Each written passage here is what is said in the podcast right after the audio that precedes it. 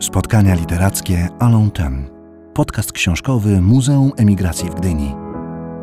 6-8 listopada 2020 roku. Marek Ostrowski. Francuski sen. Kto pamięta, że to Francja podarowała Ameryce statuę wolności? Najbardziej amerykański z amerykańskich symboli zaprojektowali i opłacili Francuzi. Wiadomo, role się odwróciły.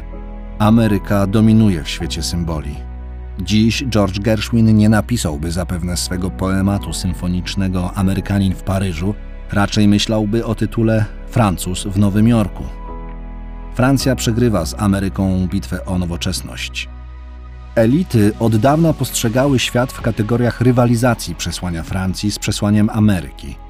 Francja broni swego modelu demokracji, swego modelu społecznego i przegrywa z modelem amerykańskim, a na pewno z amerykańską dominacją w świecie. Ale nie ustaje w rywalizacji. I może ważniejsze nawet, Francja podtrzymuje dziś zachwiane marzenie o silnej Europie, tak potrzebnej wszystkim słabszym krajom, w tym zwłaszcza Polsce. Zapraszamy do wysłuchania podcastu z Markiem Ostrowskim. Rozmowę poprowadzi Rafał Hetman. Muzeum Emigracji w Gdyni. Znajdziesz nas na Spotify i YouTube.